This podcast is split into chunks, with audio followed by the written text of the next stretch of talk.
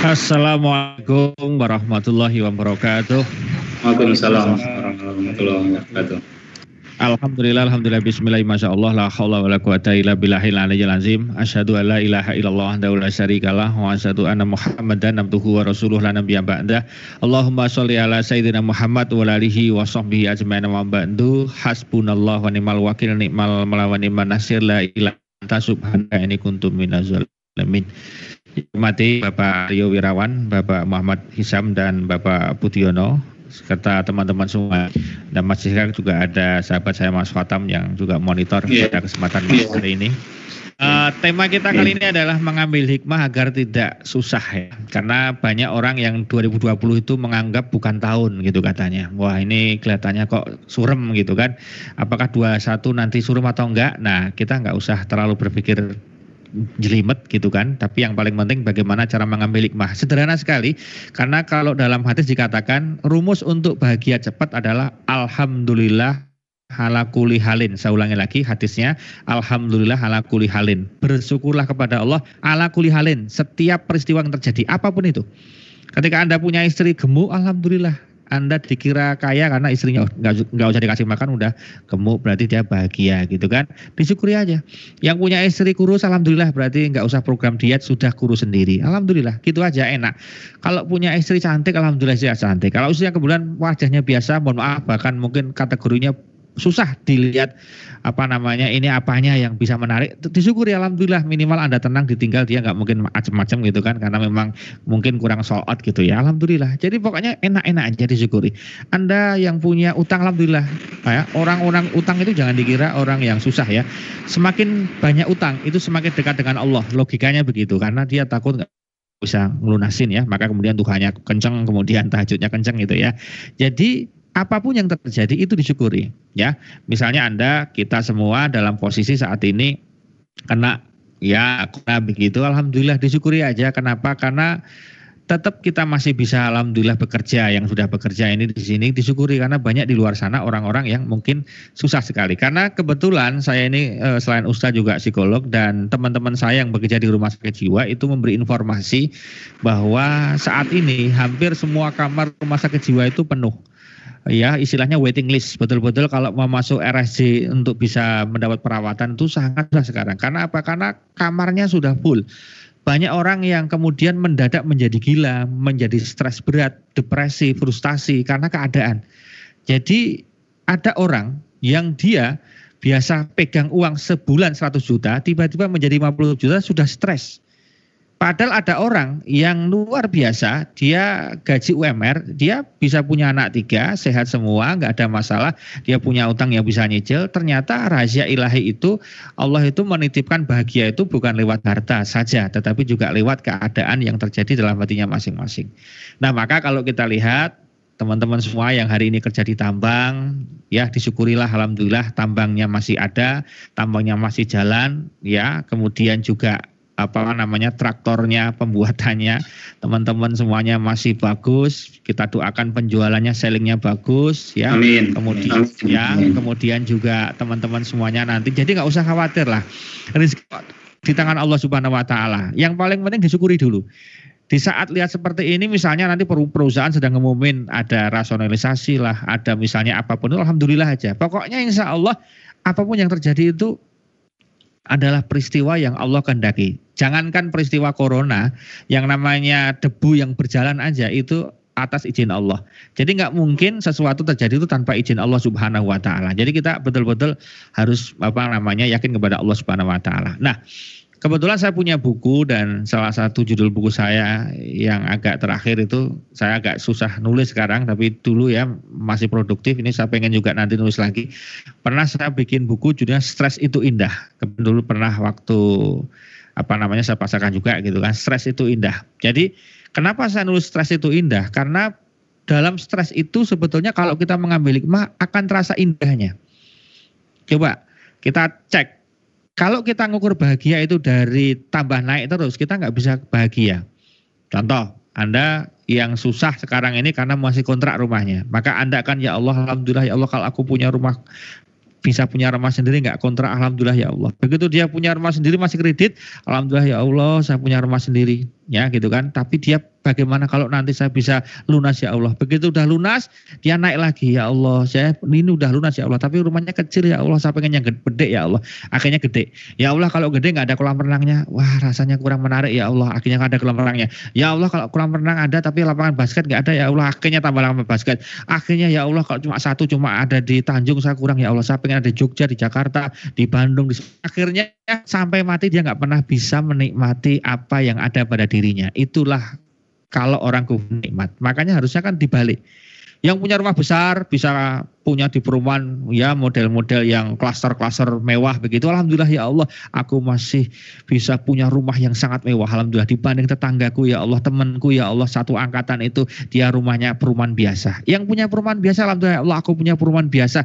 Aku udah lunas daripada tetanggaku, temanku satu angkatan ya Allah, rumahnya masih kontrak yang kontrak alhamdulillah ya Allah aku masih bisa kontrak ya Allah daripada tetangga aku masih ikut mertua. Yang ikut mertua ayo segera pergi jangan lama-lama ikut mertua. Maksudnya begitu ya. Ya jadi ini ya jadi kenapa ya karena memang ya ini mohon maaf sedikit menyimpang ya. E, saya ingatkan teman-teman semua yang masih ikut mertua kalau ada sih kalau enggak ya enggak apa-apa.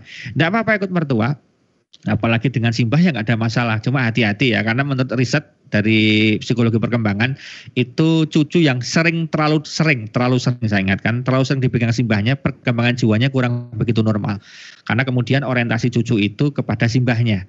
Kalau saya pas ngisi pengajian di Jakarta waktu tidak pandemi gitu saya biasanya kalau pas di Jakarta saya minta untuk masuk ke mall. Paling nggak saya ke Grand Indonesia atau ke Plaza gitu kan saya ke Plaza Senayan gitu kan saya minta masuk ke sana. Untuk apa? Bukan untuk belanja karena memang ya mahal-mahal ya. Tapi untuk melihat apa sih e, fenomena yang baru terjadi. Ternyata saya lihat di Jakarta itu fenomenanya kalau pas hari Sabtu Minggu begitu jalan-jalan ke mall banyak sekali yang kemudian pasangan muda-mudi yang punya anak dua, anak tiga kecil-kecil dipegang oleh namanya pasukan yang pakai baju putih, baju biru, baju pink, namanya baby sister. Jadi saya amati itu ternyata mereka bahkan begitu berhenti di food court, itu kemudian sang ibu mau menyuapin anaknya. Kemudian ternyata anaknya nggak mau di Wah kalau bahasa Jawanya ditamplek gitu kan, dia nggak mau. Kemudian disuapin lagi, bapaknya nggak mau juga. Akhirnya bapak sama ibunya agak marah, dia bilang, Nem, tolong Nem, mungkin Mbak Nem namanya si baby sisternya. Begitu Mbak Nem si baby sister ini baru pegang nyendok begitu anaknya sudah mangap, ah gitu kan betapa anak-anak di sana itu paling taat dengan baby sisternya. Makan baby sister, mandi baby sister, mau tidur baby sister, minum obat baby sister, apa-apa baby sister. Cuma kalau di Jawa paling memang tidak begitu banyak baby sister di Jogja ya, terutama paling banyak mbah sister. Artinya mbahnya yang di anak sih mbah ya. Anak mbah gitu kan. Nah, kalau kita lihat di mbah sister ini, hati-hati ya, karena memang ikut mertua nggak ada masalah ya memang ada kasus tertentu memang harus bersama mertua. Cuma kalau dalam jangka panjang memang nggak berbahaya ya. Berbahaya itu karena apa? Banyak kemudian anak membandingkan antara orang tua dengan simbahnya. Kelemahan simbah sekaligus kekurangan dan kelebihan adalah simbah tidak ingin anaknya well. Ini mungkin bapak-bapak yang senior merasakan. Karena simbah itu yang penting kasih. Minta ini kasih, kasih, kasih, kasih. Begitu bapaknya sendiri yang dimintain, bilang nggak punya duit langsung membandingkan. Hmm, gak kayak simbah, bapak pelit. Nah kasihan kan bapaknya malah jatuh martabatnya di hadapan anaknya sendiri gara-gara simbahnya. Ini salah satu efek yang buruk gitu ya. Oke, ini kapan-kapan kita bahas psikologi perkembangan bagaimana ya. Tapi sekarang kita fokus lagi eh, bagaimana mengambil hikmah.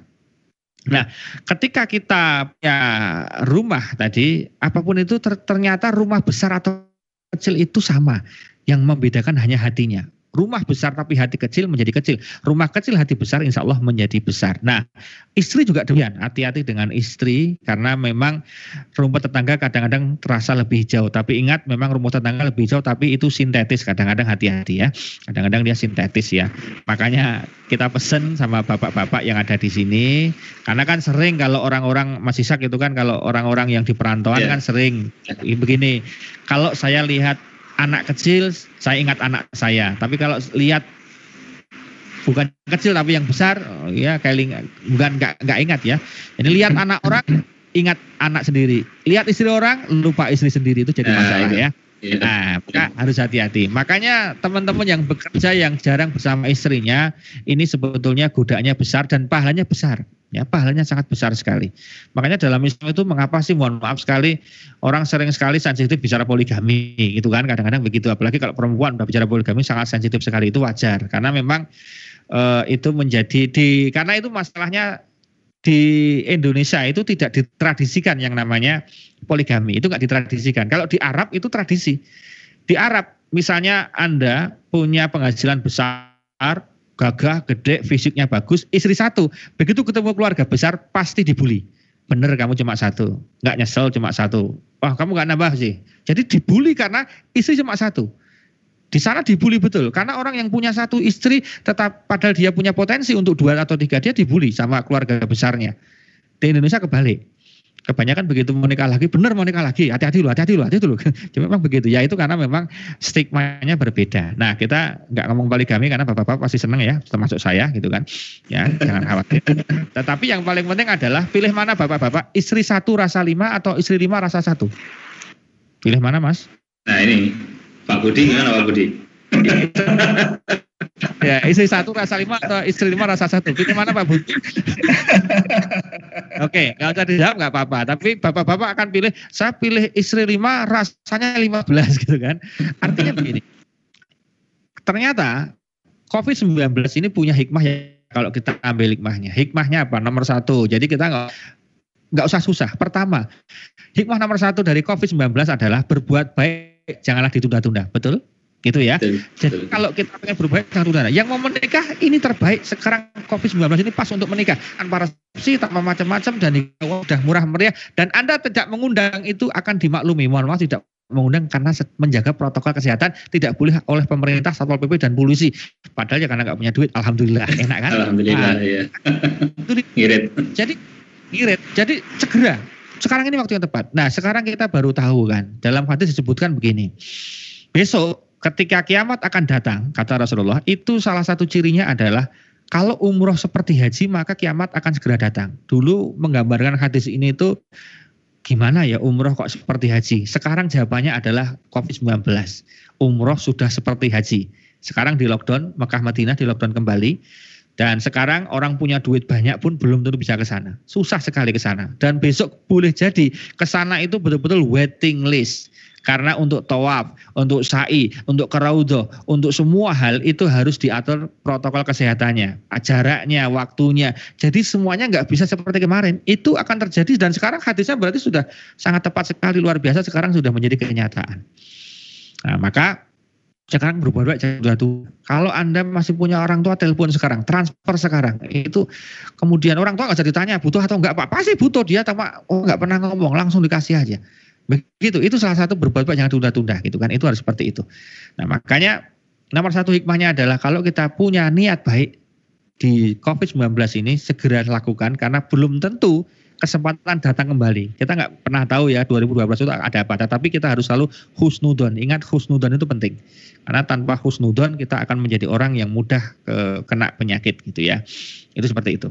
Nah, jadi hikmah pertama adalah berbuat baik jangan ditunda-tunda. Yang kedua adalah kalau kita lihat COVID-19 ini adalah hikmahnya adalah keluarga menjadi fokus utama. Ini, ini, ini menjadi menarik ya, keluarga menjadi fokus utama. Makanya monggo semuanya para jamaah semua yang hadir di sini, sekarang inilah saatnya kita kemudian fokus pada keluarga.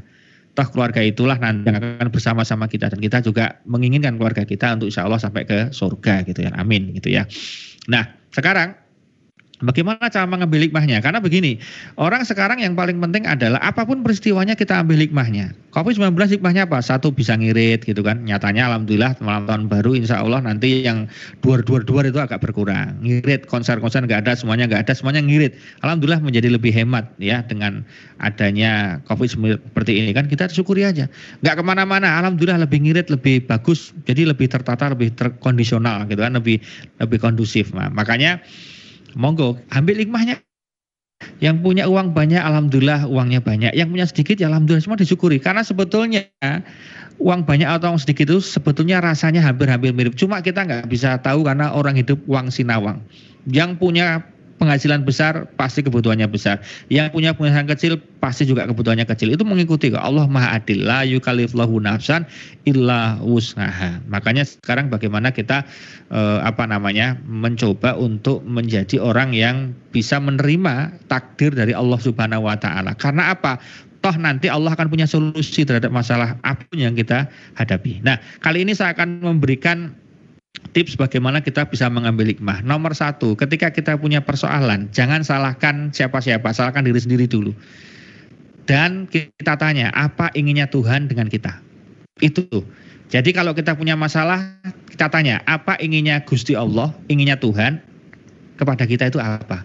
Ingat, salah satu ciri Tuhan menyayangi kita, Allah menyayangi kita, itu cirinya adalah kita diberi persoalan itu ciri sayang. Berarti kalau kita dalam hidup lancar terus nggak ada apa namanya hambatan sama sekali, itu berarti Allah sedang lulu, Allah sedang memberikan istidrat. Makanya kalau kita oleh Allah dikasih break, ada persoalan dalam rumah tangganya, persoalan dengan anaknya, persoalan dengan pekerjaannya, persoalan dengan ekonominya, itu berarti Allah sedang sayang pada kita, ingin dialog khusus dengan kita. Nah, caranya adalah kalau kita bisa berdialog dengan Allah itu caranya kalau begini, banyak orang yang kena masalah itu nggak pernah bisa nyalain diri sendiri, nggak pernah bisa mengambil dengan Tuhannya, tapi langsung pada orang lain. Itu kan, wah ini saya sekarang susah ekonominya ini pemerintah ini, wah langsung pemerintah.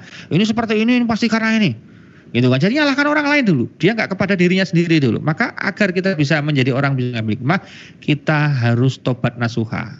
Ya, artinya kita memperbanyak istighfar. Ingat ketika Ali bin Abi Thalib didatangin oleh orang gitu kan ya Ali ini sam, sawahku kok kering. Istighfar kamu. Besok datang lagi ya Ali kok uangku mepet. Istighfar kamu. Ya Ali kenapa kok aku ini bisnisnya nggak lancar? Istighfar kamu. Loh terus akhirnya orang ini protes. Kenapa setiap saya datang bawa persoalan disuruh istighfar?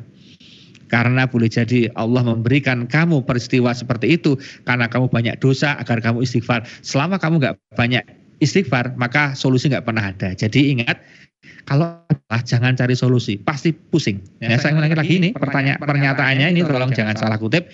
Kalau punya masalah jangan cari solusi, pasti pusing karena solusi itu miliknya Allah, bukan milik kita. Nyatanya kan kita nggak bisa mencari solusi tanpa Allah Subhanahu wa taala. Kita ingat ada Kapten Abdul Razak. Abdul Razak ini adalah pilot dulu mantan pilot Garuda Indonesia. Ketika itu dia menerbangkan pesawat dan terjadi apa namanya engine off atau mati mesin sebelah kanan. Begitu mati mesin masih punya teori ketika seorang pilot kan dia dididik dengan luar biasa dia hidupkan cadangannya untuk bisa me, apa namanya membuat keseimbangannya bisa ber, berjalan itu apa namanya baling-balingnya atau mesinnya gitu kan. Masih sebelah kanan engine-nya mati, dia pakai cadangan ternyata cadangannya mati. Tinggal yang sebelah kiri. Ternyata sebelah kiri dipus mati juga. Akhirnya dia betul-betul tidak ada engine-nya sama sekali. Makanya beberapa teman-teman yang ahli penerbangan itu bilang memang pesawat yang paling aman namanya OTR itu ya, yang kecil itu, yang baling-balingnya besar itu malah ATR. lebih aman kata. ATR ya, ha, betul ATR. Nah kalau yang besar itu memang kalau makanya kalau orang naik pesawat itu saya ini kita doakan siapa tahu Trakindo nanti sukses kemudian bikin tidak hanya traktor bisa bikin Trakindo pesawat ya kita doakan ya Airlines ya nggak apa-apa kan traktor kemudian jadi pesawat kan. Ya pesawatnya syariah gitu loh. Karena saya kalau penerbangan tuh selalu tidak pernah diajari doa. Ini makanya sebetulnya penerbangan itu kurang syari ya. Harusnya begitu mau terbang sang pilot atau mungkin mbak-mbaknya itu dalam apa kan kita selalu hanya ada pengumuman kan. Kepada para penumpang mohon menggunakan sebuah pengaman karena sebentar kita akan take off gitu kan aja kan. Nggak pernah kan? Ya misalnya kepada bang mari kita berdoa dengan khusyuk kepada Tuhan yang Maha Esa. Versi agamanya masing-masing silahkan Mudah-mudahan penerbangan ini lancar dan pesawat tidak jatuh. Monggo persilakan. Saya kira kemudian semuanya kusuk itu masih. ya kan ya kusuk. Begitu di atas sudah joy flag gitu kan. Terjadilah kadang-kadang ada peristiwa goncang gitu kan. Ya, biasa kan pesawat ada goncang. Misalnya ada cuaca yang kurang begitu bersahabat. Apa komandonya dari apa kemudinya itu kan selalu bilang kepada para penumpang mohon tetap menggunakan sabuk pengaman karena pesawat sedang melewati badai. Sekali para penumpang tetap menggunakan sabuk pengaman karena pesawat sedang melewati badai. Terima kasih. Begitu aja kan? Gak pernah misalnya mbak-mbaknya bilang kan, kepada para penumpang ini sedang ada gangguan. Mari kita berdoa dengan khusyuk kepada Tuhan Yang Maha Esa. Mudah-mudahan ini bukan penerbangan terakhir untuk kita semuanya. saya kira insya Allah semuanya akan kusuk sekali gitu kan luar biasa berdoa. Nah ini kan pernah nggak pernah ada doa. Makanya kalau kita dengan pesawat yang ada SOP-nya, ada doanya, di bawah doa, di atas doa. Begitu sampai kemudian bisa landing dengan bagus, harusnya ada juga Alhamdulillah, monggo. Nah, kalau yang agama yang lain misalnya puji Tuhan misalnya dia bilang gitu kan terserah nah. Yang penting kalau Islam bilang alhamdulillah bilamin ya Allah alhamdulillah semuanya pesawat lancar akhirnya bisa landing dengan baik itu disyukuri gitu kan. Karena kalau udah di atas itu nggak bisa karena semua semua alat transportasi itu memang pesawat yang paling pasrah. Lillahi ta'ala itu pesawat yang lain masih bisa. Misalnya kalau anda kayak misalnya pakai mobil gitu grek grek grek oh kenapa? Yuk minggir minggir masih bisa. Pakai kereta gerak gerak gerak berhenti kemudian memberikan informasi sinyal kepada apa namanya uh, uh, stasiun sebelum dan sudah masih bisa.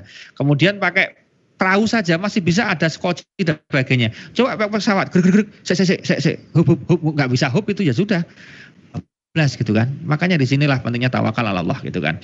Nah kembali ke tadi, jadi kalau kita menjadi orang yang insya Allah mudah kemudian kita istighfar minta ampun sama Allah Subhanahu Wa Taala itu insya Allah aman. Maka cek kenapa istri kita kok galak misalnya. Kita istighfar yang banyak siapa tahu karena kita yang banyak persoalan. Nah maka kepada istri-istri itu sampaikan aja kenapa dia selalu galak nah gitu kan karena galak itu apa namanya adalah efek dari suami juga makanya penting kemudian untuk membawa diri kita untuk introspeksi istighfar kepada Allah Subhanahu wa taala. Maka biasanya istri galak itu karena bapak-bapak nggak pernah jujur dengan gajinya misalnya. Pak katanya ada bonus, bonus apa? Siapa bilang kali ini perusahaan susah nggak ada bonus, padahal ada bonusnya ya nggak bilang gitu kan. Pak katanya ada THR, THR apa? THR sudah tutup itu di Jogja sudah tutup THR ya pura wisata kalau yang tahu dari Jogja. Iya.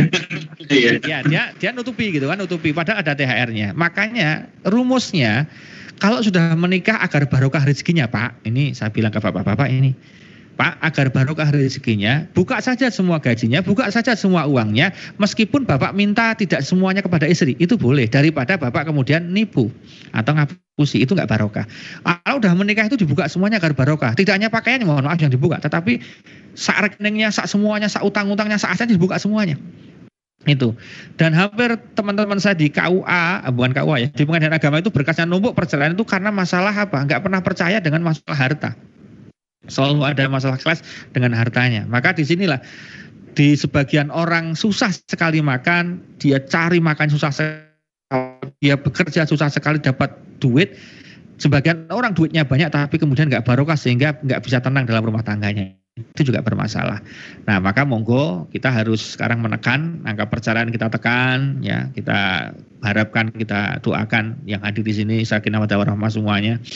Kalau kemudian ada persoalan segera dicarikan solusi dan ternyata eh ternyata itu istighfar itu menjadi salah satu solusi ya untuk kita insya Allah lebih baik lagi. Makanya monggo teman-teman semuanya pegang itu istighfar. Itu berapa banyak?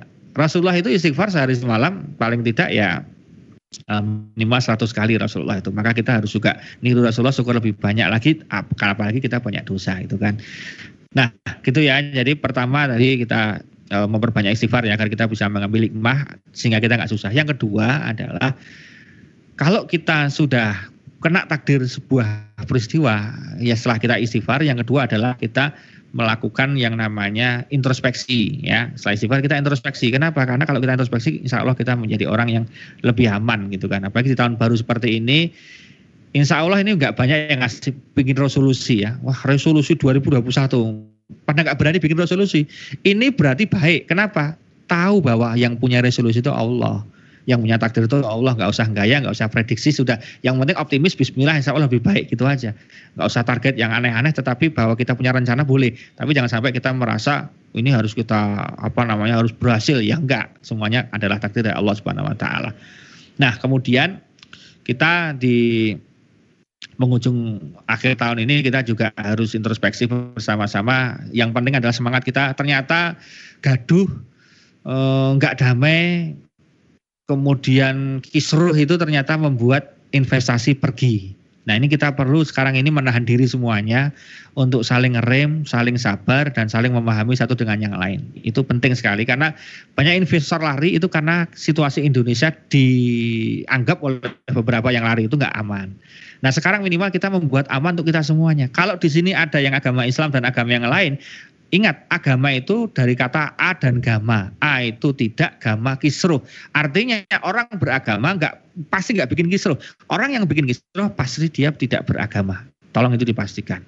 Makanya penting namanya orang kalau beragama itu berarti orang nggak ngisruh. Tapi kalau orang ngisruh itu berarti orang yang tidak beragama atau tidak menjalani agama dengan benar. Ya, Islam itu dari kata yuslimu ya, ya, salaman ya, selamat itu.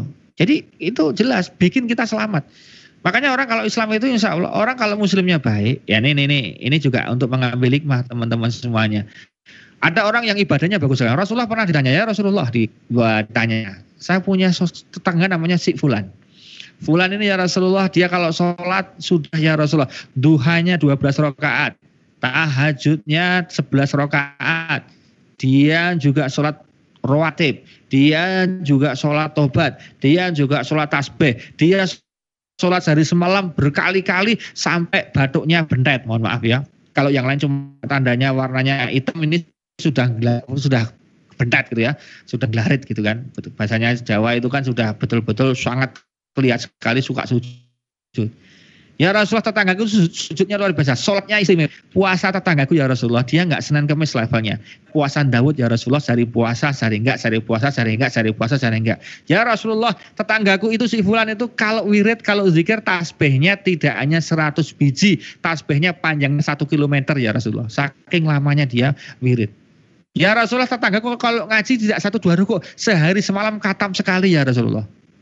Tapi ya Rasulullah tetanggaku itu utul maka Rasulullah menjawab dengan singkat, jelas, padat. Sholatnya bagus, ngajinya bagus, puasanya bagus, versi orang ini ya. Kemudian ditanya Rasulullah, tapi dia utul ya Rasulullah. Maka Rasulullah menjawab dengan satu kata, finar, masuk neraka. Bayangkan, orang yang menurut kacamata orang lain sholatnya udah bagus, apa namanya bagus, ternyata Rasulullah mengatakan masuk neraka. Gara-gara utul, ma huwa utul. Utul itu sengak, sombong, nggak enak, nggak karu-karuan, orangnya luar biasa, apa namanya, bikin orang lain menjadi nggak senang sama dia karena perilakunya dia. Itu namanya utul. Utul tuh sombong, sengak, enak pokoknya. Makanya jadi apa pun di sini jangan sampai menjadi orang yang susah senyum.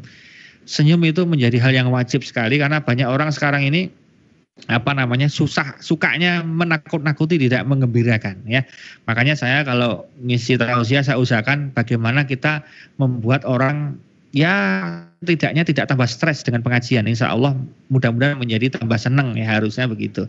Dan yang enak-enak aja kita mem membuat agama ini menjadi renyah, menjadi enak karena apa? Banyak orang yang sekarang itu sudah susah dengan kehidupannya. Makanya sekarang sabar, syukur itu hal yang harus kita dengung-dengungkan semuanya di level apa pun karena sekarang stok sabar sudah menipis harganya, stok apa namanya stok yang lain juga menipis ya pemaaf juga menipis. Nah makanya sekarang kita harus menjadi orang yang mm, harus memulai untuk kita bisa bersahabat dengan siapa pun, berdamai dengan siapa pun. Kenapa? Karena kita hidup tidak hanya sendirian banyak orang. Kalau kita menjadi orang yang pokoknya nggak bisa nerima siapa pun, ganti pimpinan marah. Pokoknya semua pimpinan salah, ganti manajer salah, semuanya buruk Wah itu nggak pernah karena ada orang yang troublemaker di mana ditempatkan dia selalu trouble ada. Makanya karena istilahnya kan ada orang itu kan ya saya pernah bilang mungkin di ceramahnya ada orang itu kan bekerja itu ada model kayak negara. Ada negara yang banyak bicara banyak kerja. Contohnya Amerika. Itu ada orang yang kalau jadi karyawan banyak ngomong tapi banyak kerjanya. Masih mending. Ada orang yang banyak ngomong tapi sedikit kerjanya. Ini negara-negara yang suka protes-protes itu. Itu banyak ngomongnya sedikit bicaranya ya banyak ngomong banyak ngomong sedikit kerjanya. Nah, ada negara yang modelnya ketiga, sedikit bicara banyak kerjanya. Ini negara Jepang misalnya. Negara terakhir sedikit bicara sedikit kerjanya. Ini ada negara-negara miskin, nggak banyak ngomong nggak banyak kerja. Nah, pertanyaannya banyak Indonesia masuk negara mana? Menurut informasi Indonesia masuk negara tipe lain-lain, yaitu lain kerja, lain bicaranya. Yang dikerjakan apa, yang bicaranya apa gitu kan. Kerjaannya ngurusi orang lain kadang-kadang. Makanya sekarang berhentilah kita menjadi orang yang suka menilai orang lain, tapi kita menilai diri sendiri dan juga menilai keluarga kita masing-masing. Ya kenapa? Karena kita butuh sekarang ini untuk kita menguatkan diri kita dalam hal apa pun itu. Nah tadi ke, kemudian kembali ke tadi mengambil hikmah uh, agar kita nggak susah. Apa pun kita syukuri. Dalam buku sastra indah orang sakit misalnya, orang sakit itu nggak usah kita pikir apa-apa. Tidak ada sakit kecuali Allah akan angkat dosa-dosanya. No, jadi bagi orang yang sedang sakit, pakainya dalil ini. Tidak ada muslim yang sakit kecuali Allah akan angkat dosa-dosanya. Berarti semakin banyak sakitnya, semakin lama sakitnya, semakin banyak dosa diampuni. Maka jangan kaget kalau ada orang yang matinya sakit dulu, tapi dulu lama kita kadang itu Allah sedang nyuci dosa. Pas nanti bersih dosanya, pas mati husnul khotimah. Jadi jangan kalau ada orang sakit itu kemudian negatif thinking itu adalah cara Allah mencucikan dosa. Loh, orang muda kok sakit? Sakit, berarti dia sudah banyak dosa. Suruh dia, oleh Allah disuruh untuk menguras dosanya dengan sakitnya. Kurang dosa, kita pusing itu juga dunia berkurang. Makanya kalau ada sakit nempel itu jangan kemudian stres. Ini adalah cara Allah menggugurkan dosa-dosa kita. Itu. Nah, makanya orang sakit itu mikirnya biar nggak stres, stresnya jadi indah, orang sakit berkurang dosanya. Apalagi, apa-apa bisa kita syukuri kok. Apa aja itu bisa. Dikasih istri yang cerewet misalnya, disyukuri, alhamdulillah ya Allah, istriku cerewet. Kalau nggak cerewet ya Allah, aku susah sekali untuk bekerja. Nah, akhirnya kan dia, kapan kamu kerja? Ayo jangan malas. Oh, malah dia kemudian menjadi orang yang kerjanya keras gitu kan, kerjanya bagus gitu kan. Jadi kadang-kadang istri cerewet itu luar biasa. Nah, karena memang ada yang modelnya kayak gendang, kalau nggak dijak ngomong nggak ngomong. Ada yang modelnya kayak radio siaran terus juga ada. Jadi memang Allah itu memberikan sesuai dengan kemampuan dan kapasitas kita masing-masing dan Allah itu maha adil. Tidak usah kita apa namanya iri dengan orang lain. Jadi apa pun bisa jadi hikmah, apa pun itu. Corona jadi hikmah gitu kan. Bahkan Anda kerja sekarang jarak jauh dengan keluarga itu juga ada hikmahnya. Jarak dekat ada hikmahnya. Semua mengandung hikmah kalau kita bisa mengambil hikmah itu. Nah makanya insya Allah dengan kita bisa mengambil hikmah kita nggak mudah susah. Apa pun itu nggak usah susah. Apa pun itu nggak insya Allah nggak susah. Nanti ada peristiwa apa pun nggak nggak kaget. Nah makanya apa sih bedanya kita dengan para ulama-ulama atau dengan para apa namanya wali waliullah. Saya pernah bikin materi apa sih bagaimana cara menjadi waliullah gitu kan. Nah, kenapa waliullah itu punya keistimewaan? Ternyata waliullah itu cirinya adalah la taqabbala tahzan. Waliullah itu nggak punya rasa khawatir, nggak punya rasa cemas karena dia yakin Allah akan memberikan pertolongan. Nah, maka oke sebelum saya buka tanya jawab kepada teman-teman semuanya, saya akan berikan uh, solusi ketika kita menghadapi sebuah masalah. Yang bisa kita lakukan pertama adalah kita membaca wirid-wirid yang memang Allah rekomendasikan. Contoh adalah kita ambil contoh ada orang yang punya masalah sangat besar sekali, berat sekali itu dialami Nabi Yunus alaihissalam. Ini contoh Nabi Yunus pernah dimakan ikan. Yang kemudian kalau dia keluar mati karena dia di dalam, kalau dia kemudian nggak keluar dia juga mati, uh, keluar mati karena dia ada di laut dalam. Dia nggak keluar di dalam perut ikan juga mati. Jadi keluar mati, masuk mati, di dalam mati, di luar mati. Itulah tantangan berat Nabi Yunus bayangkan. Kita alhamdulillah tantangannya masih tidak seberapa dengan Nabi Yunus. Nabi Yunus itu tantangannya dua-duanya nggak enak. Di dalam mati, keluar mati. Maju kena, mundur kena. Itu Nabi Yunus.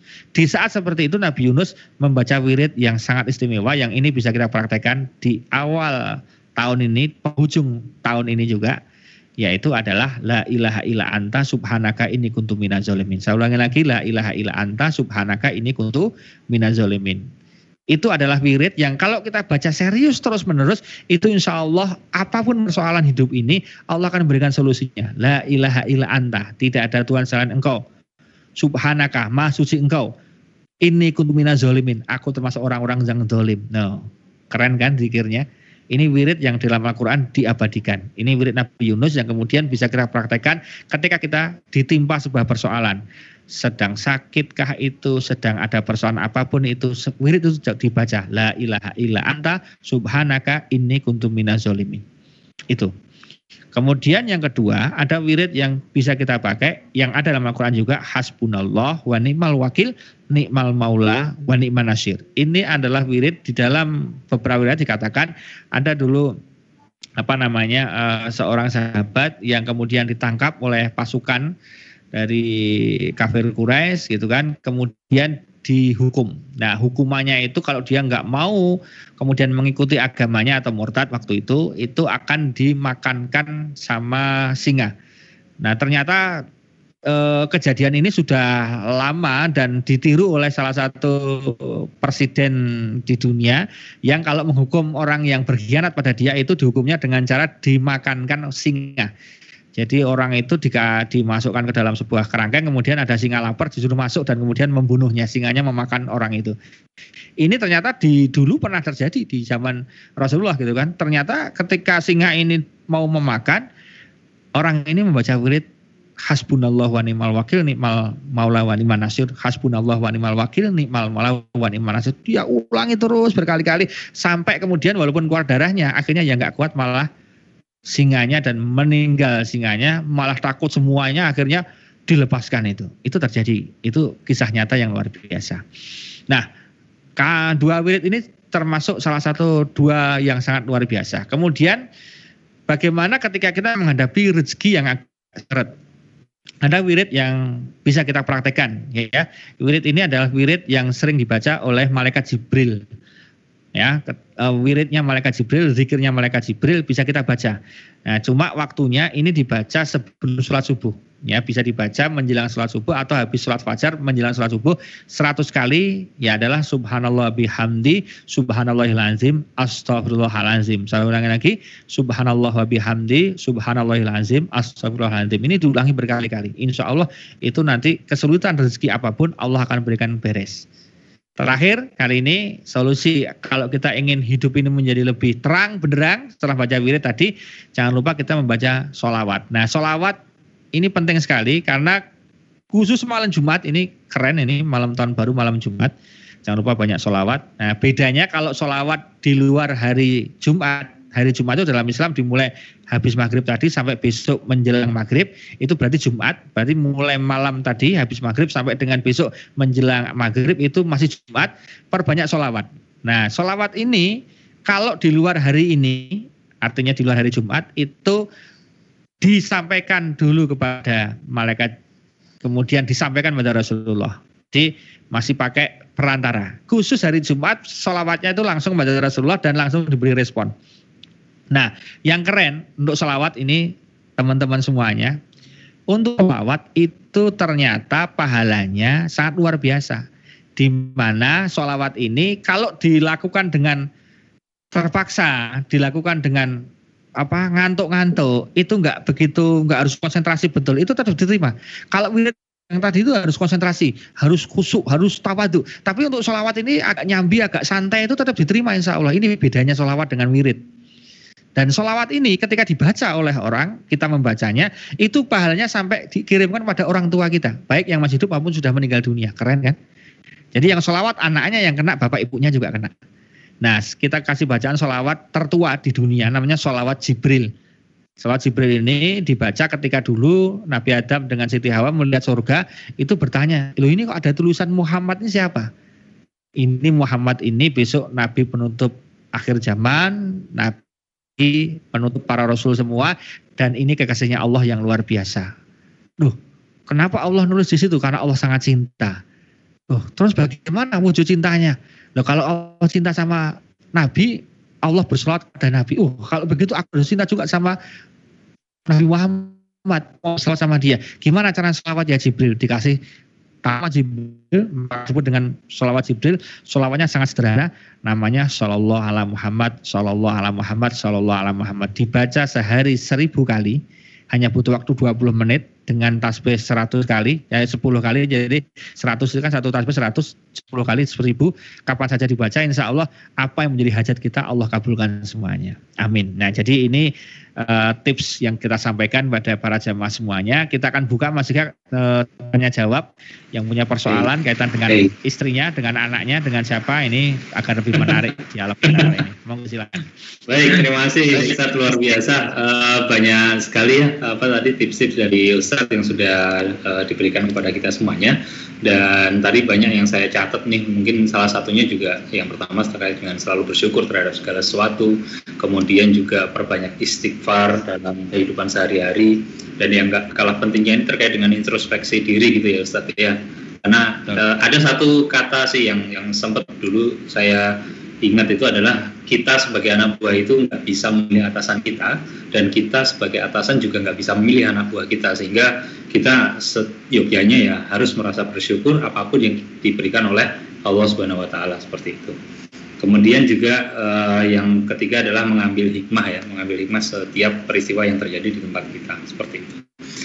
Baik, uh, mungkin dari teman-teman semuanya uh, ada yang uh, ingin ditanyakan, silahkan langsung berkomunikasi dengan Ustadz Munif, langsung mengangkat tangannya. Uh, di sini ada tombol raise hand, dipersilahkan. Mungkin ini karena memang di chat masih belum ada yang nanya ini Ustadz.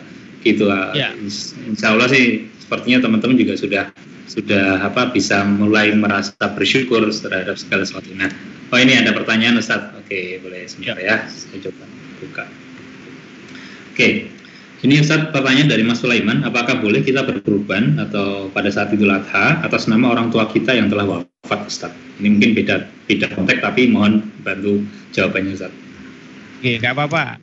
Tidak sudah tema nggak apa-apa. Jadi semua amalan bisa ditransfer kepada orang yang sudah meninggal dunia kecuali sholat. Everything bisa sholat ya nggak bisa. Makanya nggak ada orang transfer sholat nggak boleh. Misalnya orang tua kita nggak sholat, kemudian dia meninggal, kemudian kita uh, maghribnya enam kali. Kenapa enam kali? Tiga untuk saya, tiga untuk bapak yang sudah meninggal. Itu nggak bisa diterima. Tapi yang lain bisa. Korban atas nama almarhum almarhumah sampai. Kemudian sedekah atas nama almarhum almarhumah sampai. Infak sampai. Kemudian orang haji, orang umroh untuk atas nama almarhum almarhumah sampai Semuanya sampai, kecuali sholat yang nggak bisa sampai. Jadi saya ulangi lagi, untuk korban diperbolehkan dan sah untuk diatasnamakan almarhum almarhumah tidak ada masalah. Insya Allah hukumnya tetap sampai. Bahkan ngirim surat al-fatihah pun sampai. Anda kalau nggak percaya, silahkan mencoba kita kirimi dari sini ya. Besok kita kirimi kalau mau coba silahkan. ya artinya, nah, apa dalil, dalilnya Ustadz? Nah, dalilnya begini. Jadi Rasulullah itu pernah suatu saat jalan-jalan nih sama sahabat. Tiba-tiba Rasulullah menghentikan langkahnya, kemudian Rasulullah kemudian duduk sebentar, kemudian berdoa, kemudian menancapkan pelepah daun kurma di situ. Setelah selesai ditanya, "Ya Rasulullah, kenapa?" Berhenti mendadak. Tahulah di sini ada kuburan si fulan. Jadi kuburan di zaman Rasulullah itu nggak kelihatan kalau kuburan ya hanya semacam gundukan biasa yang kadang hampir rata dengan tanah. Itu mengapa dalam Islam kalau bisa tidak boleh apa namanya pakai kuncup-kuncup yang besar-besar gitu kan dilarang memang. Ya, dilarang kecuali memang itu makam Rasulullah kan untuk menghormati ya itu beda ya. Nah, jadi Rasul mengatakan ini si bulan ini disiksa karena dia waktu di dunia kalau pipis nggak pernah cebok. Nah, bayangkan pipis nggak pernah cebok aja disiksa ya di neraka ya, di, di di alam alam barzah gitu kan maka aku nggak nggak tega melihat mendengar siksanya aku kemudian berdoa kepada Allah ya Allah aku mintakan ampunan kepada si bulan ini tolong dihentikan jeda siksanya sampai dengan pelepah daun kurma ini kering. Nanti kalau kering ya disiksa lagi ya monggo. Tapi nah doa Rasulullah itu sampai pada almarhum almarhumah. Berarti doa anaknya, doa orang-orang pada orang yang sudah meninggal dunia itu insya Allah sampai doa sampai apalagi amal yang ditransfer itu sampai. Makanya kalau teman-teman di Trakindo ada misalnya suatu saat misalnya lo ini ada iuran atau sodakoh bersama. Ini nih saya kasih ini saya kasih amalan Mas Iskak ya untuk teman-teman Trakindo yeah. agar berkah rezekinya dan gampang sekali ini menjadi pahala diniatkan untuk anak istri dan orang tua boleh yang sudah meninggal pun boleh sedekah lagi keren sekarang ini ini sedekah namanya sedekah listrik Okay. Di mana kalau di mana kalau ada masjid musola anda memasang diri untuk membayar listriknya. Itu keren sekali. Karena listrik itu digunakan ustadz untuk ceramah, digunakan imam untuk apa namanya ngimami khotib untuk khutbah, digunakan untuk adzan. Itu pahalanya gede sekali. Makanya berlomba-lombalah untuk bayar listrik masjid atau musola. Itu pahalanya mengalir terus itu luar biasa. Ini saya tekankan ke teman-teman semuanya, monggo gitu ya. Jadi boleh mas, artinya uh, untuk orang tua yang sudah meninggal hukumnya sah dan sampai. Nah, monggo ya silakan. Baik, terima kasih Ustaz. Mungkin Mas Sulaiman begitu ya. Uh, selanjutnya ini uh, dari Mas Ragil.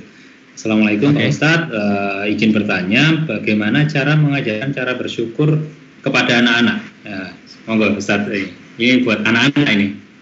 Oke, kalau untuk anak-anak cara bersyukurnya memang anak itu kalau nggak diajak watch out dia susah bersyukur. Namanya anak kan dia uh, terbatas ya. Makanya cara diajak bersyukur tolong diajak jalan-jalan rihlah ya. Cuma di pandemi ini memang harus pilih hati-hati. Makanya beberapa orang tua itu ngajak untuk ke panti asuh. Diajak ke pondok pesantren, diajak ke jalan-jalan ke jadi dia diajari jalan-jalan ke pasar misalnya, lihat ada orang jualan, kadang-kadang usianya sama dengan dia disuruh beli. Terus habis beli gitu kan, Dek, kamu kasihan sama itu adiknya itu. Adiknya sekecil itu dia harus jualan loh, Dek. Dia dapat uangnya harus jualan dulu loh, Dek. Mungkin dia nggak sekolah loh, Dek. Nah, jadi anak itu nggak bisa dikasih ceramah, kasihnya contoh Ingat anak 0 sampai 5 0 sampai 5 tahun itu bisanya ngasih contoh. 5 sampai 10 tahun itu ngomong dan contoh. Tapi kalau Pak 0 sampai 5 itu contoh tok. Tapi kalau 5 sampai 10 dia contoh dengan omongan. Jadi kalau kita 0 sampai 5 cuma ngomong nggak pernah bisa. Kamu tuh tahu nggak sih dek? Itu gini-gini nggak akan sampai. Orang itu nggak pernah didengar. Anak itu nggak butuh itu. Karena dia nggak tahu. Tapi kalau 5 sampai 10 ngomong sama contoh. Tapi 0 sampai 5 contoh doang. Nah, makanya kadang-kadang anak itu harus dibawa harus dibawa kemudian ke tempat-tempat tertentu untuk diajari. Nah, kalau anaknya sudah di atas usia itu, kok masih belum bersyukur? Misalnya udah terlanjur SMP nih anaknya gitu kan, udah terlanjur SMA, kok masih aja nggak syukur ini. Nah, ini ada amalan nih untuk Bapak Ibu semuanya. Kalau punya anak kok mohon maaf ya, bahasa kasarnya itu kurang syukur, minta uang terus, pokoknya dia nggak tahu diri misalnya gitu kan. Kok betul-betul anak ini kok nakal lah bahasa ibu bapak mungkin kasarnya nakal gitu. Ini ada resep untuk Bapak Ibu. Pertama adalah Bapak Ibu lakukan sholat tahajud bersama-sama tapi tidak jamaah. Jadi Bapak Ibu melakukannya bersama tapi nggak jamaah ya. Ini Bapak Ibu lakukan bersama, nggak usah jamaah tapi sendiri-sendiri ya rokaatnya dua salam, dua salam, dua salam, dua salam, jadi empat, dua kali empat tambah witir tiga. Setelah selesai itu berdoa kepada Allah apa yang dimintakan tentang anaknya. Ya Allah, lunakkan hati anakku, jadikan anakku anak yang soleh solehah ya Allah, jadikan anakku bisa bersyukur. Ya, pokoknya doa yang minta. Setelah doa, amin, datangi kamar anaknya. Ini rumusnya begitu. Datangi kamar anaknya, kemudian selesai doa dari kamar anaknya, kemudian bapak dan ibu ini gantian mencium kepala anaknya sambil disebul gitu kan atau di pokoknya istilahnya disuwuk kalau orang Jawa. Coba itu secara rutin insya Allah nanti tahu-tahu anaknya ada berubah. Ini biar dicoba ini. Biasanya kalau anak bangun, uh, apa? Kenapa ini? Saya kok digini kan? Enggak apa-apa, bapak sama ibu sayang sama kamu. Mesti habis itu nanti insya Allah anaknya akan berubah. Nah, bagi anak yang sangat nakal banget, yang sudah sangat dewasa tapi nakal, misalnya SMA masih nakal gitu, kuliah masih nakal gitu, perlu ada sidang keluarga. Sidang keluarganya itu diadakan suatu saat tidak di rumah, tapi anak diajak nginep keluar, kemudian malam dia bikin acara untuk bapak sama ibu mau ngomong sama kamu. Dibikin ngomongnya seperti orang mau pisah mau mati itu. Le, dek, mbak, mas, bapak sama ibu sudah usianya seperti ini. Bapak sama ibu nggak tahu besok meninggalnya kapan. Bapak ibu sama nggak tahu besok akan sowan kepada Allah kapan. Nah ini bapak sama ibu mau ngomong untuk terakhir kalinya sama kamu. Biar besok bapak ibu kalau di akhirat tidak salahkan sama Allah. Sampai nanti bapak ibu masuk surga nggak jadi gara-gara belum pernah mengingatkan kamu. Nah selama ini kan Bapak Ibu tahu kamu nggak pernah sholat, kamu susah sholat, kamu seperti ini. Nah Bapak Ibu sekarang ngasih peringatan dan ini terakhir pokoknya biar Bapak Ibu sah besok kalau mati agar enak masuk surganya nggak digondoli sama kamu. Itu saya kira orang anaknya masih mikir itu, pasti mikir. Nah selama ini kita nggak pernah ada sidang keluarga ngomong baik-baik gitu nggak pernah. Yang ada kan sholat kamu, Awas kalau nggak sholat kamu, masuk neraka kamu. Anaknya, ya nanti masuk ya bapak tak, tak ajak ikut masuk sekalian. Wah, jadi nggak karu-karuan. Nah ini kan, ini salah satu rumusnya. Ya jadi tahajud tadi kemudian bisa dipakai. Itu ya untuk ya. penanya yang anak ya. tadi itu. Baik, begitu ya. Mas Rakil. Baik, selanjutnya Ustaz, uh, ini dari uh, dokter ya, dokter Ikram ini kebetulan di tempat kita ada dokter umum juga dan dan onsite di sini. Ustaz untuk amalan yang ditujukan kepada orang tua, namun orang tuanya beda agama. Uh, ini bagaimana hukumnya Ustaz? Nah, apakah amalannya diterima orang tuanya yang beda agama tadi? Mungkin begitu Ustaz. Ya, kalau begini, kalau dalam kita bicara kata-kata syariat, selama orang tuanya itu masih hidup, amalan yang ditujukan yang paling efektif efisien adalah ini, yaitu Bapak dokter silahkan untuk setiap selesai sholat, selesai tahajud, selesai apa pun itu mendoakan atau silahkan bersedekah sebelum sedekah berdoa. atau setelah tahajud berdoa, atau setelah duha berdoa, atau setelah amaliyah berdoa, ya Allah, mudah-mudahan dengan amal ini engkau perkenankan orang tuaku mendapatkan hidayah. Jadi yang orang tua itu amaliyahnya harus dimintakan hidayah. Jadi nggak bisa ditransfer langsung ke amalan. Itu memang istilah dalam dunia IT bapak ibunya belum terregister mas. Jadi tulisannya nanti apa namanya apa ditolak gitu kan. Nah, jadi kalau orang tua masih hidup, yang bisa dilakukan adalah beramalah dan melalui amal itu dimintakan melalui amal itu Allah akan memberikan pahala pahalanya di di, di akhirat dan di dunia yang di dunia dimintakan agar Allah berkenan memberi daya pada orang tua itu yang dilakukan. Tapi kalau orang tuanya sudah meninggal, nah maka ada tulisan dalam hadis itu dan Quran juga menyatakan kalau orang tua sudah tiada dalam posisi bukan dalam kategori Islam, maka amal untuk orang tuanya terputus. Artinya doanya sudah tidak punya kewajiban mendoakan lagi. Tidak punya kewajiban untuk mengirimkan pahala-pahala lagi. Kenapa? Karena memang itu sudah beda gelombang, tidak terregister dan tidak bersama. Tapi kalau dia masih hidup, masih bisa ditembak dengan amalan kita itu untuk lampiran. Ingat doa itu pakai lampiran. Maka kalau kita ngajukan proposal ke Trakindo misalnya, kan pakai lampiran kan, lampiran kegiatannya, panitia dan sebagainya. Maka doa kita itu ada lampirannya. Lampiran yang paling bagus adalah amal soleh. Makanya kenapa sebelum doa itu ada wirid, ada tahajud dulu, ada duha dulu, ada ngaji dulu. Bahkan sedekah dulu baru doa juga boleh atau doa kemudian baru sedekah juga boleh. Ya Allah saya sedekah mudah-mudahan pahalanya ya Allah saya mintakan di akhirat dan di dunia. Yang di dunia khusus di dunia aku mintakan agar engkau memberi hidayah pada orang tuaku. Itu bisa dipakai. Ya Allah aku tahajud, mudah-mudahan tahajud ini engkau berikan pahala ya Allah. Aku mintakan pahala di akhirat dan juga di dunia. Yang di dunia ini ya Allah salah satunya aku minta agar orang tua berikan hidayah. Begitu cara doanya. Jadi setiap amal soleh itu minta pahalanya di akhirat dan di dunia. Yang di dunia disebutkan salah satunya minta itu. Nah itu salah satu caranya begitu. Ya, kita doakan mudah-mudahan dapat hidayah gitu. Insyaallah. Oke, ini ternyata bu, dokternya yang um, pengalaman tapi rekannya hanya dokter. Oh iya. Baik. Kan diformulkan uh, jawabannya. Iya ya. betul. Nanti disampaikan aja dok ya ke uh. Baik, uh, ini saya coba bu, lihat di sini. Alhamdulillah Pak Isyam sudah bergabung. Selamat malam Pak Isyam. Apa kabar Pak Isyam? Selamat malam Mas Risa, Bapak, Pak Ustadz, Assalamualaikum warahmatullahi Ya, Alhamdulillah bisa gabung Pak Isan. Gak apa-apa Pak.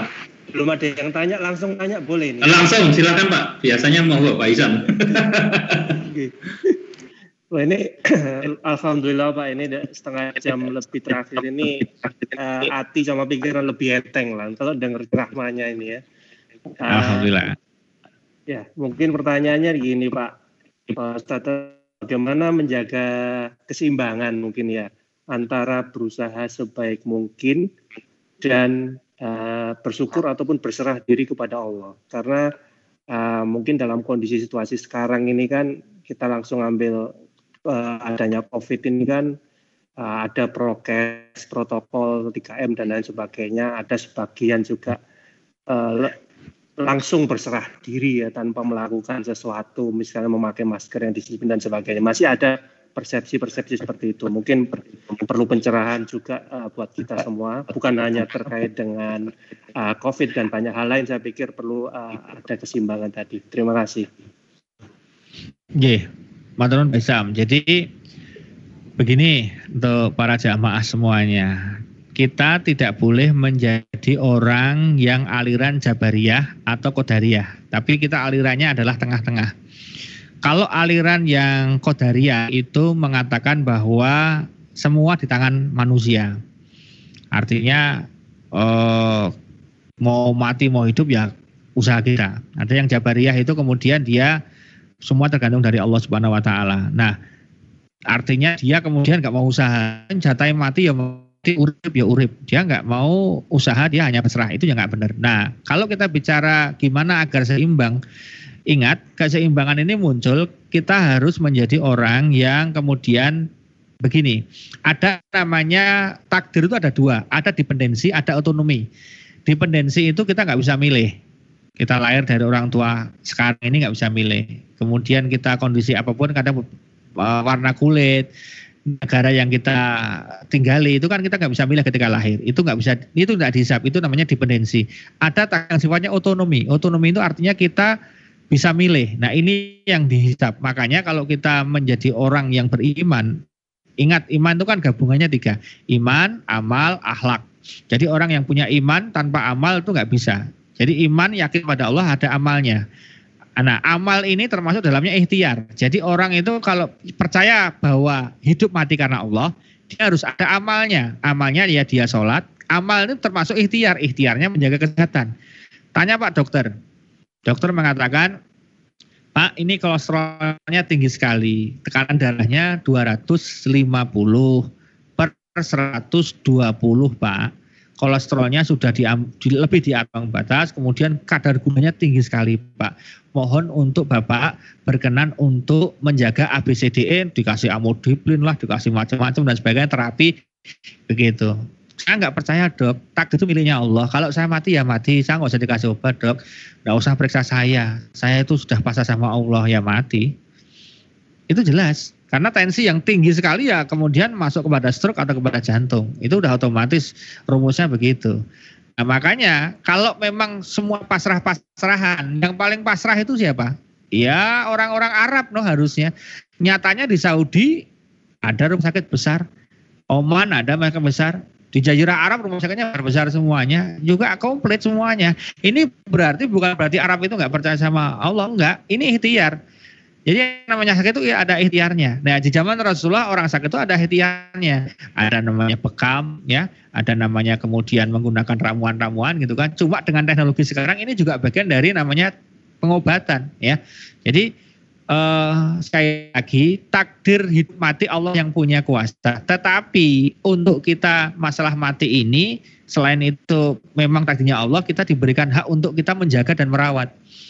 Nggak usah jauh-jauh sekarang. Kalau anda yakin nggak mati, kemudian ditembak kepalanya, kira-kira mati nggak? Ya mati. Jadi kita jangan jangan konyol dengan takdir. Artinya harus ada ikhtiar, tapi harus ada juga apa namanya doa. Maka yang betul adalah ikhtiar dengan doa itu bareng. Amal uh, amal dengan ikhtiar itu juga bareng. Misalnya orang sakit itu kan doa dulu sama Allah ya Allah saya mudah-mudahan akan berobat ke dokter ke rumah sakit mudah memberikan kesembuhan ya Allah. Akhirnya datang ke sana periksa Begitu diperiksa, oh penyakitnya ini Pak kasih obat, minum obat Bismillah ya Allah atas izinmu. Obat ini hanya ikhtiar ya Allah tapi sesungguhnya sembuh milikmu ya Allah. Insya Allah apa namanya bukan cepat meninggal ya cepat sembuh maksudnya. Jadi insya Allah begitu. Ya jadi betul pertanyaannya Pak jangan sampai kita menjadi orang yang pasrah aja lah. Bos pokoknya kita nggak usah usaha lah pokoknya gini lah mungkin ini mau tutup dunia sudah nggak kabaran nggak boleh begitu. Harus kepada ikhtiar. Itu Mas Isak ya. Baik Baik, begitu Pak Isyam. Jawabannya Pak Isyam. Gih, terima kasih. Ya, baik Pak. Baik, uh, selanjutnya Ustadz ini ada satu pertanyaan lagi ya Ustadz ya, boleh ya? Oke, okay. okay. uh, eh, ini dari uh, Bapak Ihsan. Jadi, Assalamualaikum Ustadz, bagaimana cara kita meminta maaf kepada orang tua kita yang sudah meninggal? Nah, Wah, ini gimana nih Ustadz? Pertanyaannya keren. Pertanyaannya keren karena apa mas? Iya. Makanya Ustadz Abu Somad sampai mengatakan dengan sangat tegas kalau masih punya orang tua yang masih hidup rumusnya menghadapi orang tua itu cuma ada tiga. Yang pertama diam. Yang kedua diam. Yang ketiga diam. Ya kita diam. Artinya dia minta apa ya kita penuhi nggak usah banyak bicara. Kenapa? Karena kalau beliau nanti meninggal dunia air mata kita itu air mata yang bahagia karena sudah memenuhi keinginan orang tua. Yang jadi persoalan adalah kalau kita sering membentak orang tua, nggak karu-karuan, kemudian dia meninggal dunia. Gimana cara minta maafnya? Pertama, sayangnya masih pandemi mas. Kalau nggak pandemi, caranya adalah Anda cairkan segera Anda berangkat ke tanah suci, kemudian Anda umroh dan umrohnya di, untuk orang tua. Jadi umroh pertama untuk orang tua, umroh kedua nanti untuk hanya umrah kedua untuk ibunya. Karena umrah bisa tiga kali dalam satu kali rangkaian umrah, bahkan bisa berkali-kali asal anda pergi sendiri dengan taksi ke Tanin nanti bisa langsung apa namanya mengambil ikut lagi ke Tanin, umrah lagi balik lagi Tanin, umrah lagi naik taksi kan cuma murah 150 ribuan kalau Indonesia-nya. Umrah. Nah kalau sekarang umroh sedang lockdown seperti ini gimana yang dilakukan? Nah kita melakukan transfer pahala dengan cara apa tadi?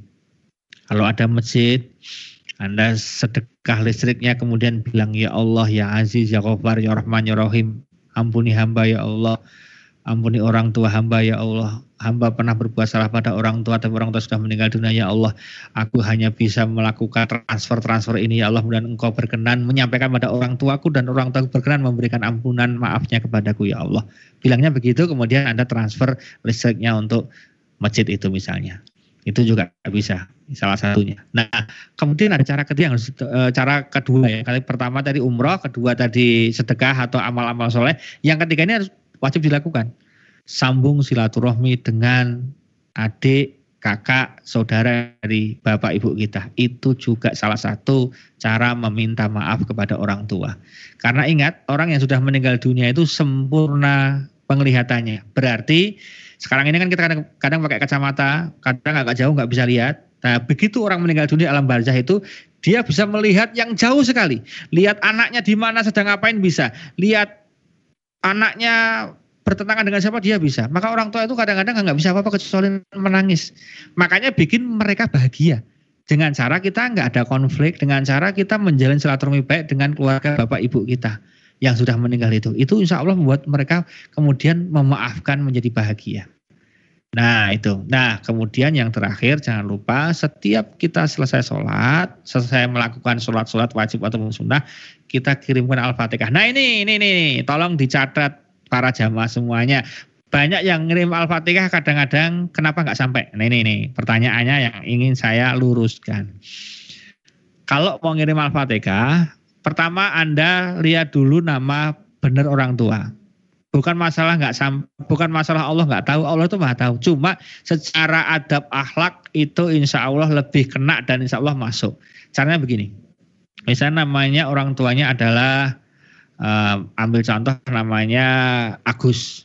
Orang tua bapaknya yang sudah meninggal namanya Agus. Nah, caranya adalah kalau Pak Agus ini dia punya orang tua kan, punya bapak. Nah, bapaknya namanya hmm. misalnya Ahmad. Maka sebutnya ila hadoroti Agus bin Ahmad. Al-Fatihah gitu. Jadi harus pakai binnya. Maka kenapa dalam Islam itu perlu ada silsilah. Itu biar jelas ini Agus yang mana. Agus siapa? Walaupun Allah itu maha tahu. Kalau kalau kita kemudian fokus ke sana, insya Allah itu lebih kena dan lebih mantap. Makanya kalau kita ilah itu sebutkan nama bin atau bintinya. Kalau itu ibu kita misalnya ibu namanya misalnya ibu namanya Dina misalnya ibunya. Kemudian bapaknya namanya Agus ya sudah ilah hadorodi Dina binti misalnya gitu kan. Sebut namanya Agus Al-Fatihah. Ya itu. Kirimkan Al-Fatihah rutin sebagai sholat wajib tujuh kali. Tujuh kali. Jadi subuh tujuh kali, duhur tujuh kali, eh, asar tujuh kali, maghrib tujuh kali, isya tujuh kali. Kalau itu rutin insya Allah nanti orang tua akan hadir dalam mimpi tertulis pada Anda dan menyampaikan matur nuwun walaupun dia nggak bilang. Lakukan dengan rutin, itu insya Allah akan muncul seperti itu. Nah inilah. Dan ingat di alam barzah itu mereka menunggu betul transferan amalan, transferan doa dari orang anak-anak yang masih hidup ini. Nah, terus terakhir ini cara terakhir adalah jangan ber apa? padudon, congkrah, jangan bercerai-berai dengan keluarga besar dalam hal ini adalah kalau Anda punya adik, punya kakak harus akur. Karena tidak akurnya kita itu membawa orang tua itu kemudian di sana tidak bahagia. Ya, makanya saya pesan melalui forum ini bagi yang sudah sepuh, punya banyak harta, tolong kalau masih sehat dan sudah sepuh mau purna atau sudah purna nantinya, anak-anak sudah mulai dewasa, Bapak Ibu sudah tidak mikir macam-macam kecuali jalan pulang kepada Allah Subhanahu wa taala, mohon hartanya untuk segera diwariskan saja dalam bentuk walaupun masih ditempati langsung dalam sertifikat itu lebih aman. Ingat orang yang sudah meninggal dunia jika namanya masih nama almarhum almarhumah itu memperberat beban orang tua yang masih sudah meninggal di alam barzah itu. Maka hukumnya wajib kalau orang tua sudah meninggal cepat-cepat dibalik nama, segera diturun waris, segera dipecah agar orang tua di alam barzah tenang hidupnya bahagia. Jika tidak itu membawa beban, harus namanya sudah segera ganti. Yang paling tepat mumpung masih hidup dibagi. Ini saya ngasih saran bagi yang hartanya banyak, sawahnya di mana-mana, tanya di mana-mana. Bagi yang memang nggak punya apa-apa, alhamdulillah Anda nggak perlu bagi dan nggak perlu rame, nggak insya Allah nggak ada ramenya, insya Allah karena nggak ada yang dibagi jadi nggak rame. Itu ya. oh, gitu. oh. Baik, Ustaz, terima kasih uh, atas penjelasannya. Uh, begitu Pak Haji Isan ya uh, atas penjelasan dari Ustaz, semoga bisa menjawab dan juga rekan-rekan semuanya. Uh, mungkin satu kesempatan kembali kalau memang ada dari teman-teman semuanya, dari bapak dan juga ibu-ibu semuanya jika ada pertanyaan silahkan di chat. Jika mau berinteraksi langsung dipersilakan kepada Ustadz juga nantinya. Oke, okay. uh, mungkin dari Pak Aryo ada yang ingin ditanyakan Pak Aryo? Ini kebetulan mohon maaf Ustadz di belakang ada si krucil. Oh. Atau mungkin dari Pak Budiono mungkin saya beri kesempatan Pak Budi. Nah Pak Aryo silakan Pak Aryo. Dan nggak ada dari saya, masih saya. Oke, okay, baik Pak Arya, masih. Dari Pak Budi mungkin ada yang mau ditanyakan Pak Budi? Uh, ada Mas Isa, cukup baik. luar biasa Mas Isa. Baik, terima kasih kalau begitu. Baik Ustadz, uh, sepertinya memang belum ada pertanyaan dan juga alhamdulillah ini uh, kita sudah cukup uh, panjang kali lebar kita sudah diberikan wajangan dari Ustadz dan juga kita bisa diberikan uh, kajian yang luar biasa dan semoga ini bisa meningkatkan iman dan juga ketakwaan kita kepada Allah Subhanahu wa taala. Dan mohon izin Ustaz mungkin di akhir sesi ini uh, mohon uh, bisa memimpin doa Ustaz. Ustaz. Eh, baik, uh, sebelum saya memimpin doa di closing statement ini di akhir tahun 2020 uh, saya ingin berpesan kepada semuanya para jamaah uh, ketahuilah bahwa takdir yang saat ini ada pada Anda, pada saya semua itu adalah yang terbaik dari Allah Subhanahu wa taala, maka syukurilah. Anda mau pindah kerja di mana saja, kalau nggak bersyukur nggak akan bisa tenang. Berapapun gaji yang Anda terima, kalau Anda nggak bersyukur pasti kurang. Dengan teman model perusahaan atau pimpinan apa saja, kalau Anda bersyukur Anda nggak bisa pernah menerima. Maka tak takdir terbaik saat ini disyukuri saja. Apa yang ada sekarang kita syukuri. Istri kita adalah takdir terbaik untuk kita. Rumah kita saat ini adalah ter takdir terbaik untuk kita. Kerjaan saat ini adalah takdir terbaik untuk kita. Ingat, apa yang kita benci hari ini, apa yang kita benci saat ini, apa yang kita nggak senang hari ini adalah bisa jadi menjadi apa yang diimpikan oleh banyak orang. Kerjaan Anda yang sah mungkin menurut Anda adalah impian dari banyak orang. Istri Anda yang menurut Anda tidak benar atau tidak baik atau tidak menarik fisiknya itu adalah mungkin impian dari semua orang. Jadi oleh karena itu apa yang Anda miliki saat ini disyukuri karena tanpa Anda bersyukur, tanpa kita bersyukur, laknat Allah sudah sangat jelas sekali. Dan ingat, tidak ada kata lain kecuali kita bersyukur agar kita cepat bahagia. Salah satu jalan tol untuk bisa kita bahagia adalah bersyukur.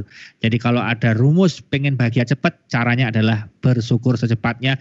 Maka insya Allah jalan tol itu akan kita raih, yaitu adalah cepat kita bahagia. Jadi kebahagiaan itu tidak di mana-mana, tapi kebahagiaan itu akan cepat akan kita rasakan jika kita bersyukur pada Allah Subhanahu wa taala, maka perbanyaklah kita membaca alhamdulillahirabbil Terakhir sebelum saya dengan doa, ada satu amalan di mana kalau Anda sedang mohon maaf eh, pengen sedekah yang banyak tapi ngirit. Nah, ini saya kasih rumusnya yaitu adalah barang siapa setelah sholat subuh ingat sholat subuh, dia membaca hamdalah, alhamdulillahirrahmanirrahim 100 kali, maka dia seperti sedekah ya, sedekahnya adalah 100 kuda perang pilihan. Saya ulangi lagi, barang siapa sedekah apa namanya sedekah membaca alhamdulillah hirubil alamin bukan alhamdulillah sampai Hirobil alaminya dibaca 100 kali setiap saat subuh dia seperti orang yang sedekah seribu mohon maaf bukan 100 tapi seribu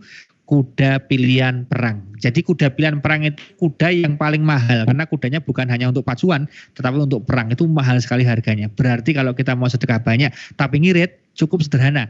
Habis salat subuh baca Alhamdulillahirrahmanirrahim 100 kali. Itu insya Allah sama dengan sedekah seribu ekor kuda perang pilihan gitu. Baik, kita tutup dengan berdoa bersama-sama. Mohon bisa untuk mengaminkan Pertama-sama berdoa. A'udzubillahi minasyaitonirrajim. Bismillahirrahmanirrahim. Alhamdulillahirabbil asyhadu an la ilaha illallah wa la syarikalah wa asyhadu anna Muhammadan rasulullah. Allahumma shalli Muhammad wa Muhammad. Allahumma fil mu'minina wal mu'minat wal muslimin al muslimat rabbana abdullah min anfusina wa lam taghfir lana wa tarhamna lakunana minal khosirin. Rabbana la tuzigh qulubana ba'da idh hadaytana wa hab lana min ladunka rahmah innaka antal wahhab. Rabbana la tu'akhirna in nasina ata'na rabbana wa tahmil alaina sangka ma hamaltahu lil ladzina min qablina.